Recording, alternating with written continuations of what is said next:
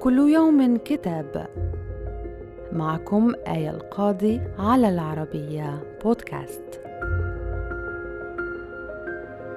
كتابنا اليوم بعنوان نجوم النهار من تأليف الشاعرة أولغا بيرغولتس ومن ترجمة عدنان مدانات.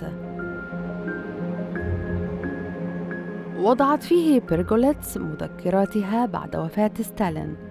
فاحتفلت بمثل الثورة وبطولة الشعب السوفيتي وفي الوقت نفسه انتقدت الرقابة على الكتاب وسجلت شكوكها ويأسها. فكان الكتاب بمثابة سيرة ذاتية لمؤلفة مهمة من الحقبة السوفيتية. عرفت الشاعرة بجرأتها فقبض عليها وعذبت خلال عمليات التطهير في أواخر الثلاثينيات.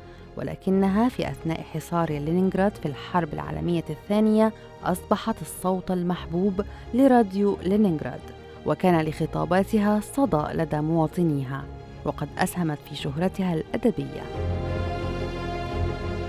بدأت كتابها بنثر غنائي مليء بالشك بل حتى اليأس. لم تكن تتحدث كفرد ولكن كممثلة لجيلها الجيل الذي ولد في أوائل القرن العشرين والذي نشأ في ذروة الثورة. ويشكل العنوان نجوم النهار استعارة مجازية لجهودها في قول حقيقة جيلها وسرد انتصاراته وأحزانه.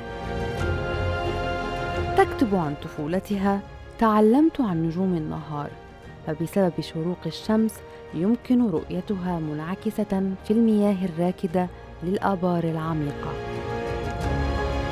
صدر الكتاب عن دار المدى، وإلى اللقاء مع كتاب جديد.